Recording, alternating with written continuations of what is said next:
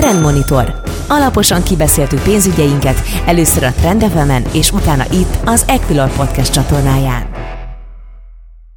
Itt van velünk ma reggel a stúdióban Török Lajos, az Equilor befektetési ZRT vezetőelemzője. Szia, jó reggelt! Jó reggelt, köszönöm. És boldog új évet! Boldog új évet kívánok én is minden kedves hallgatónak. Itt a szignálban is elhangzott, hogy hát bebikázzuk az önök napját ma reggel, és hogyha már bika, akkor azért ugye a 2020-as és a 21-es év között az volt a nagy különbség részvénypiaci szempontból, hogy mindkét évben erőteljesen jelen volt a vírus, ennek ellenére 20-ban inkább medvepiacról beszélgethettünk, tavaly viszont azért már szépen emelkedtek a tőzsdék, hogyha visszaemlékezünk rá, ugye itt a rádióban is többször elmondtuk, hogy például az új részvénykibocsátások, IPO-k száma is rekordszintekre emelkedett, úgyhogy nagyon pesgett tavaly a részvénypiac, a nemzetközi szintéren elsősorban. Mi az, amit így elmondhatnánk a 21-es évről? Tényleg ez egy ilyen meglepően pesgő piac volt részvénypiaci szempontból? Ugye figyelembe véve, hogy azért itt volt tényleg a járvány erőteljesen. Igazából már 20 márciusától egy elképesztő bikapiac indult meg, és igazából a 20-as évet is, év, tehát teljes évet nézzük, akkor pozitívba zártak a fővezető indexek az Egyesült Államokban, illetve Nyugat-Európában. 21-ben ezt is bőven túlszárnyaltuk, tehát ha megnézzük azt, hogy az S&P 500 teljes returnben 28,5%-ot hozott egy év alatt, akkor látjuk azt, hogy mekkora emelkedés volt. De egyébként Budapesten is ezért nagyon szép, több mint 20%-os emelkedés mutatott a Bux Index, tehát tényleg volt erő a piacokon, és mint mondtad, pesgő piacról is beszélhetünk olyan számon szempontból, hogy IPO-k száma rekordmagas volt, a bevont tőke is rekordmagas volt, nagyon sok új kibocsátás érkezett, nagyon sok történet volt, tehát egyedi történetek uh-huh. tömkerege volt a tavalyi évben, olyanok, amiket előtte valószínűleg senki nem várt elég csak a mém részvényekre gondolni az év elején, de utána is azért sok minden és sok érdekesség volt. Ami egy kicsit érdekesség ebben a Bika piacban, hogy elég magas volt a VIX index, ugye ez a félelem index, vagy az opciós árakból várt volatilitás index, tehát ez azt mutatja meg, hogy mit várnak a befektetők, mekkora mozgások lesznek a piacon, és ez gyakorlatilag az egész évben szinte végig 20 fölött volt, és egy nyugalmi évben, tehát mondjuk 18-19 mm-hmm. évben gondolom, 10 körüli értékek voltak. Persze még korábbi időszakban ez a 20 egy normalizáltabb érték volt, de ahhoz képest mindenképpen idegesebb piacon volt az óriási növekedés. Egyébként még visszacsatolnék arra, amit mondtál, tehát már 20 márciusától kezdődően elindult a bika piac. Nekem ez úgy rém lett, hogy ez későbbre datálódik, de akkor gyakorlatilag a vírus alig egy-két hónapra fektette meg ott a részvénypiacot. Egy óriási esés volt, és akkor utána a Fednek a vezetői kiálltak, és ugye elmondták azt, hogy bármi, amit kell, meg fogunk tenni annak érdekében, hogy itt rend és nyugalom legyen idézőjelben, tehát whatever it takes, ez volt ugye az angol kijelentés, és a piacok ezt nagyon gyorsan megértették és lefordították, úgyhogy az óriási mennyiségű pénzeső, majd utána az állami pénzeső is, ami utána érkezett a fiskális oldalról, az mind-mind megtámogatta ezt a bika piacot, és hát nem véletlenül tudott ennyire növekedni. Ami érdekesség, hogy még ugye nyilván 20-ban például az EPS, tehát az egy részmére jutó teljesítmény az jelentősen csökkent, csökken nyilván év per év alapon. 21-ben viszont egy óriási emelkedést látunk, és a legtöbb cég egyébként már a 19-es számok fölött riportál. Tehát ha megnézzük ezt a bika piacot, akkor részben azért az EPS növekedés is segítette, és egyébként az lesz a nagy kérdés, majd egy kicsit spoilerezhetek idézőjelben a másik adás hmm. másik feléből, hogy 21 22-ben ez hogy fog folytatódni. Akkor mondhatjuk egy kicsit, hogy 20-ban talán meglepőbb volt a részvénypiaci rally, 21-ben viszont már ugye a fundamentumok, a konkrét vállalati teljesítmények is ott voltak e mögött. Mindenképpen, és emellett továbbra is megmaradtak a támogatói csomagok, mind a fiskális, mind a monetáris oldalról. Tehát az egyes Államokban még mindig arról beszélünk, hogy több ezer milliárd dolláros infrastruktúra csomagok érkeznek, az jegybankok még továbbra sem szigorítottak nyugaton, nyilván a nagy jegybankokra gondolok, egy az ugye Bank of England, tehát az angol jegybank kezdte el az minimális szigorítás, de azért még ott sem beszélhetünk elképesztő megállásokról. Nyilván kelet-közép-európa egy kicsit más történet, itt azért az infláció még erősebb volt, mint nyugaton, és itt emiatt azért jelentős szigorításokat hajtottak végre a jegybankok, azonban ezeknek a direkt hatása még mindig inkább csak az idei évben fog érződni. Ez a hihetetlen IPO hullám, ami a tavalyi évet jellemezte, elsősorban hol csúcsosodott ki először, vagy honnan indult el világszerte globálisan figyelve? Hát nyilván az Egyesült Államok mindig is ilyenkor az epicentrum az ilyen típusú kibocsátásoknak, tehát tudjuk, hogy a legérdekesebb kibocsátások szinte mindig az Egyesült Államokba érkeztek, és hát ugye a legnagyobb botrányok is most onnan jöttek, elég csak ugye a Didi Globálra gondolni, mert ugye egy kínai cég, amely az nasdaq bocsátott volna ki ilyen ADR részvényeket, tehát ilyen másodlagos részvényeket, ugye most pedig az legnagyobb sztori, ezeknek ki kell vonulnia, és egyébként ez is egy nagy kérdés ez az idejében, hogy a kínai cégek Amerikában vajon mennyire maradhatnak meg. Itt mi a pontos kifogása kínai cégekkel szemben kapcsolatban? Igazából itt a kínaiaknak van kifogása, tehát a kínai kommunista párt szeretné ezt megakadályozni. Szerintünk most már fejlett annyira az, uh-huh. a kínai tőkepiac, hogy inkább ott kéne ezeknek a kibocsátásoknak megtörténni, és nem kell amerikai tőkét bevonni. Egyébként az úgymond kázusz beli, tehát hogy a hivatalos indokok azok mindig az adat, adatokkal kapcsolatos, azért azt tudjuk, hogy a 21. században az adat mekkora fontosságú szerepet, most már mekkora fontosságú szerepet tölt be, és ennek valószínűleg csak tovább fog emelkedni és növekedni a fontossága, és emiatt nem szeretnék, hogy bizonyos szenzitív adatok az egyes államokba kerülhessenek. Ezáltal. Nem tudom, erre a vállalatok hogyan reagálnak konkrétan, amikor megszabják nekik, hogy ne menjenek Amerikába, legyenek csak otthon részvénykibocsátással, elégedjenek meg azzal. Nyilván a kérdés az persze, hogy vajon a kínai kommunista pártal szemben van-e bármilyen más erőtér Kínában, aki ellenállhatna ennek. Jelenleg azért még azt látjuk, hogy nem nagyon, és emiatt nem nagyon érdekli a kínai kommunista pártot, illetve vezetőit, hogy mit szólnak ehhez a cégek hogyha már itt boncolgatjuk a kínai részvénypiac erősségét vagy állapotát, ott egy új tőzsde is született konkrétan. Igen, bár azért azt hozzá kell tenni, hogy tőkepiaci szempontból azért még nem egy jelentős tőzsdéről beszélünk, ugye ez kicsit ugye a BTX-10 piacára hajaz, hogyha egy magyar példát kell mm. mondanom, de persze megjegyzem, hogy otthoni cégek valószínűleg nagyobbak, mint a legnagyobb magyar blue chipek. Tehát azért nyilván ez más léptékekben kell gondolkozni, amikor Kínáról van szó, de el kell mondani, hogy az inkább KKV-knak a tőke bevonására szolgál. Nyilván később ugye ez Pekingbe alakult, később ez még kifejlődhet sok felé. Most azért még úgy gondolom, hogy befektetői szempontból inkább csak óvatos óvatosan érdemes tekinteni rá, de nem konkrét befektetésre ajánlott még innen. Nem is nagyon lehet egyébként, hogy őszinték legyünk. És végig tekintve a tavalyi éven, maradva Kínánál, ugye az Evergrande csőd közeli állapota tényleg izgalomban tartotta a befektetőket. Említetted ezt az ideges piacot tavaly, hát ez azért sok idegeskedést okozott. Mennyire nyugodtak meg itt a kedélyek? Hát konkrétan ugye most már csődeljárás alatt van az Evergrande, tehát, tehát szögezzük le a tényeket, hogy most már nem arról van szó, hogy csődbe fog-e jutni, hanem hogy a csődből esetleg ki tud jutni, vagy milyen típusú csőd lesz, tehát már megtörtént az, hogy a 30 napon után sem fizették a kuponokat, és ami a legnagyobb probléma, hogy az idei évben is egyébként bizony nagyon nagy tüki, tökekövetelések lesznek, amik le fognak járni, csak az első negyedében másfélszer akkora, mint a tavalyi negyedik negyedében, ugye most a kínai ingatlan befektetőkről nem csak az Evergrande-ról beszélek, úgyhogy ezen a kínai ingatlan piac egy elképesztő elképesztően nagy potenciális kockázati forrás, ami idézőjelben szerencséje az embereknek, vagy hát Nyugat-Európának és az Észak-Amerikának, tehát a fejlett világnak, az az, hogy az egyes államokkal szemben, amikor ugye az ingatlan piaci válság történt 2008-ban, még köz, Kína közel nem olyan szerves része a világgazdaságnak, mint mondjuk volt az Egyesült Államok akkor, illetve a pénzügyi piac pedig szinte egyáltalán nincs szerencsére összekötve, tehát ilyen szempontból talán lassabb lehet a továbbgyűrűzés, de az biztos, hogy a Kínában esetleg ez komoly növekedési problémákat jelenthet, már pedig azért tudjuk, hogy Kínában az ingatlan piac egy fontos növekedési faktor,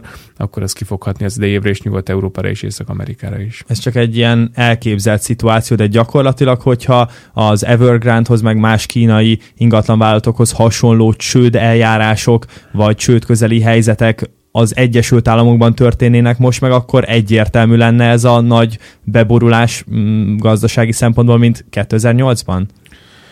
Talán akkora eh, impaktja nem lenne, mint 2008-ban, azért látni, hogy a banki eh, kockázatok jelentősen csökkentek, tehát sokkal konzervatívabban néznek ki a banki könyvek, mint néztek ki 2008-ban. Tehát ilyen szempontból valószínűleg egy fokkal jobban állnánk, de biztos, hogy nagyobb impaktja lenne egyébként. Annak ellenére, hogy például a kínai ingatlanpiac bizonyos számítások szerint mindig nagy a kérdőjel, de az egyes államok és a kínai ingatlanpiac a két legnagyobb a világon, ez egyértelmű. Az, hogy most épp melyik a nagyobb, az éppen attól függ, hogy milyen típusú eszközöket veszünk bele, de mindesetre egy óriási piacról piacról van szó. Uh-huh. A, mondtad itt a bevezetődben a mém részvényeket, kevés az időnk erről egy kicsit beszélgessünk, ez pontosan mit akar, és ez mennyire volt egy újszerű történet 21-ben, vagy azért a mém részvények már velünk vannak régebb óta? Nem, ez egy teljesen új történet volt a mostani lefolyási formájában, tehát korábban is voltak úgynevezett pump and dump, tehát ez a fel, feldömom és leejtetem a cégeket, de ez most ezért teljesen más volt fundamentálisan is, illetve egyéb szempontból is. Ugye, aki kicsit már régebb óta fektetnek be, valószínűleg ismerik a Volkswagen short squeeze történetét, tehát amikor a Volkswagen több volt a, nagyobb volt a short állomány, mint a teljes részvénypak.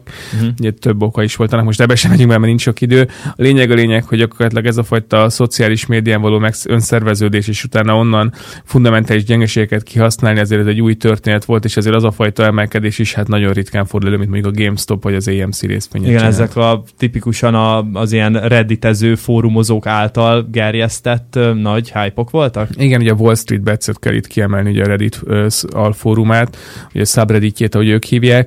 Tehát azért azt ki kell emelni, hogy itt észrevettek, főleg a GameStop-nál észrevették azt, hogy elképesztően magas volt a sortállomány, és ugye ez nagyon sebezhetővé tette a sortosokat.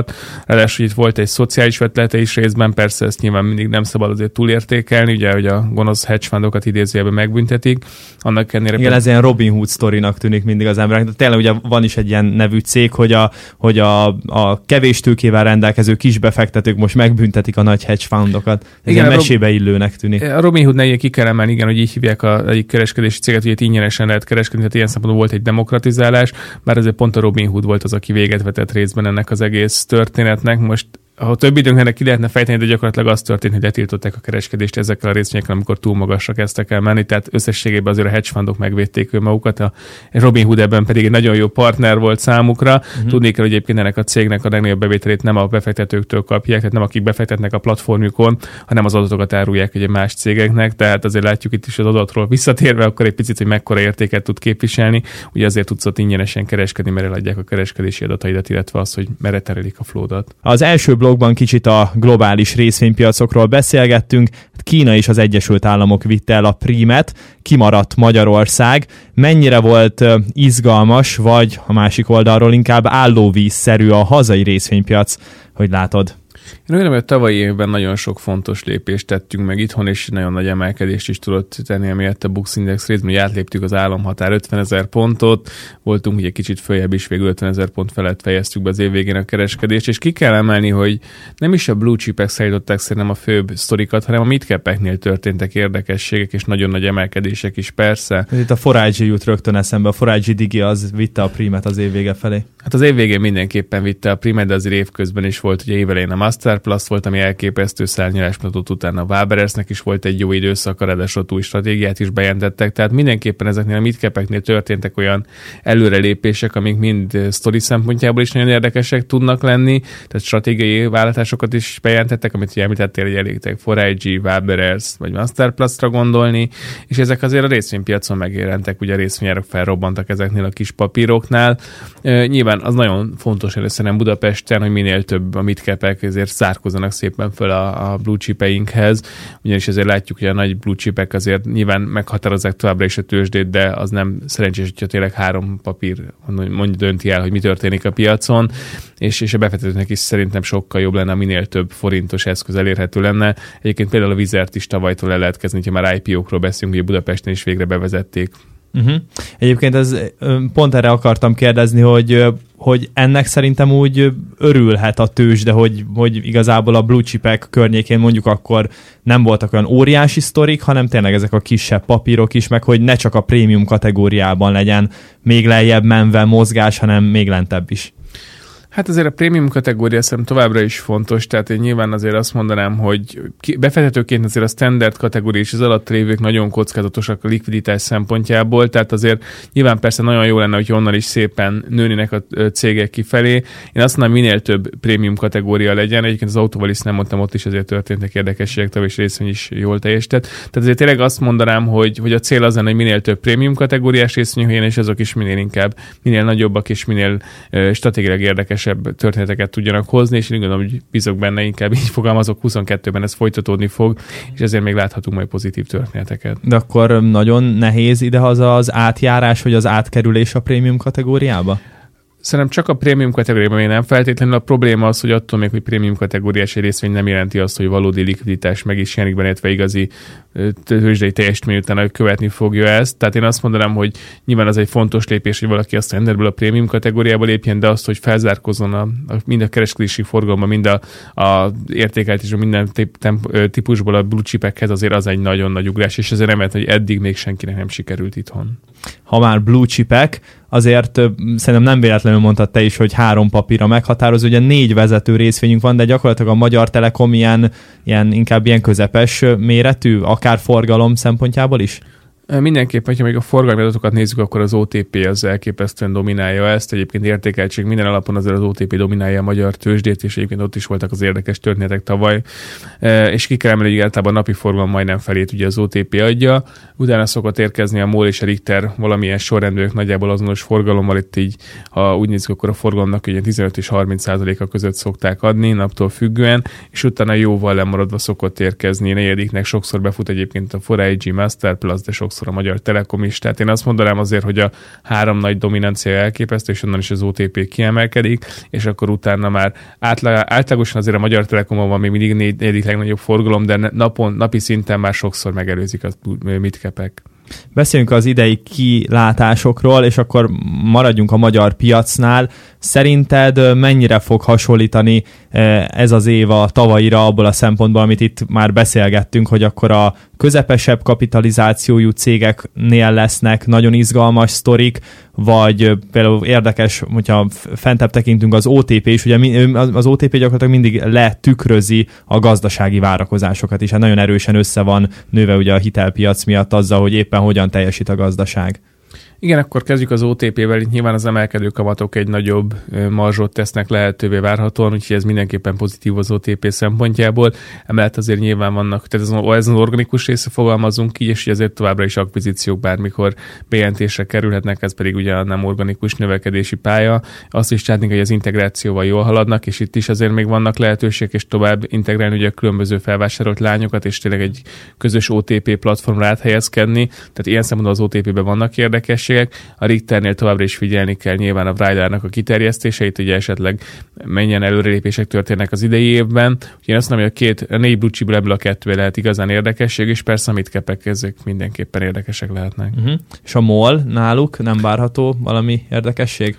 Én úgy gondolom, hogy a Molnál inkább egy konszolidáció az, ami bekövetkezhet, ugye azáltal, hogy gyakorlatilag úgy tűnik, hogy elnapolódik ez a reptérvásárlás, hogy ebből ők is kimaradnak, így vagy úgy benne lettek volna valószínűleg, nem tudjuk persze milyen módon, úgyhogy ilyen szempontból talán nyugalmi helyzetbe kerülhetnek, úgyhogy én a Molnál nem várom azt, hogy elképesztő érdekességek történjenek az évben, az olajára kell majd figyelni természetesen, illetve az, hogy milyen új kormányzati lépések jöhetnek, azért a Molt tavalyi évben több kormányzati lépés is sújtotta. Kicsit általános a kérdés, de hogyha itt a régiónkat figyeljük, akkor a magyar tőzsdének, akár mondjuk, most akkor szorítkozunk egy kritériumra a forgalom szempontjából, viszonyítva nyilván ahhoz, hogy mekkora piac vagyunk, szerinted me- mennyire pesgő a, a magyar piac, tényleg összehasonlítva egy cseh piacsal, nyilván lengyel piac az egészen más mérték, de akkor mondjuk cseh vagy, le- vagy szlovák piacsal összemérve a, a bét, az mennyire pörög? Még szlovák piacra nem tudunk beszélni, tehát minimálisabbra. Mm-hmm. Na, Prága, Prága, bocsánat, a pozsonyi tőzsnek a forgalma az tényleg sem, tényleg nem, szinte nem létező. Talán Csevel lehet akkor össze. A Csevel nagyon jól össze, most hasonló forgalmi adatokat látunk, tehát ahhoz képest szerintem relatíve jól állunk. Azért a cseh piacnak is egy nehézség az, hogy ott is nincsen igazán sok érdekes történet. Tehát ilyen szempontból a lengyel, ami pozitív példa.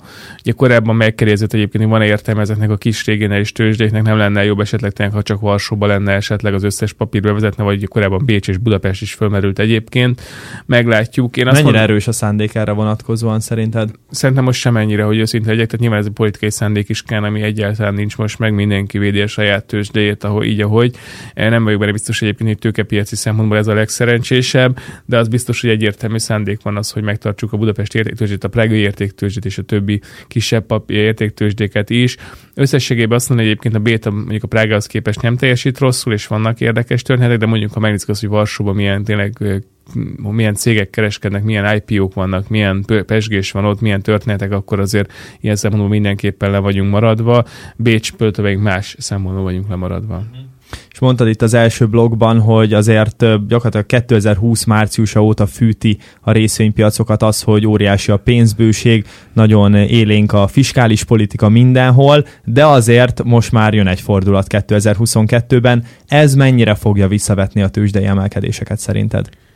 Ugye nyilván azért tavalyi évnek egy negatív hozadéka volt, hogy az infláció megjelent, tehát most már nem az a kérdés, hogy lesz, hanem hogy hol tetősödik és mennyi ideig marad velünk, és ez az idei év legnagyobb kérdés, hogy az infláció mennyi ideig tud velünk maradni, vagy mennyi ideig fog velünk maradni, és a milyen jegybanki lépések lesznek azzal kapcsolatban, hogy ezt uh, hűtsék mindenképpen. Ezek mennyire lesznek olyan erőteljesek, mennyire lesz majd a jegybank esetleg kitartó, itt most nem az MNB-re érdemes gondolni, inkább a Fedre. Az LKB idén még várhatóan nem fog egyébként semmit lépni.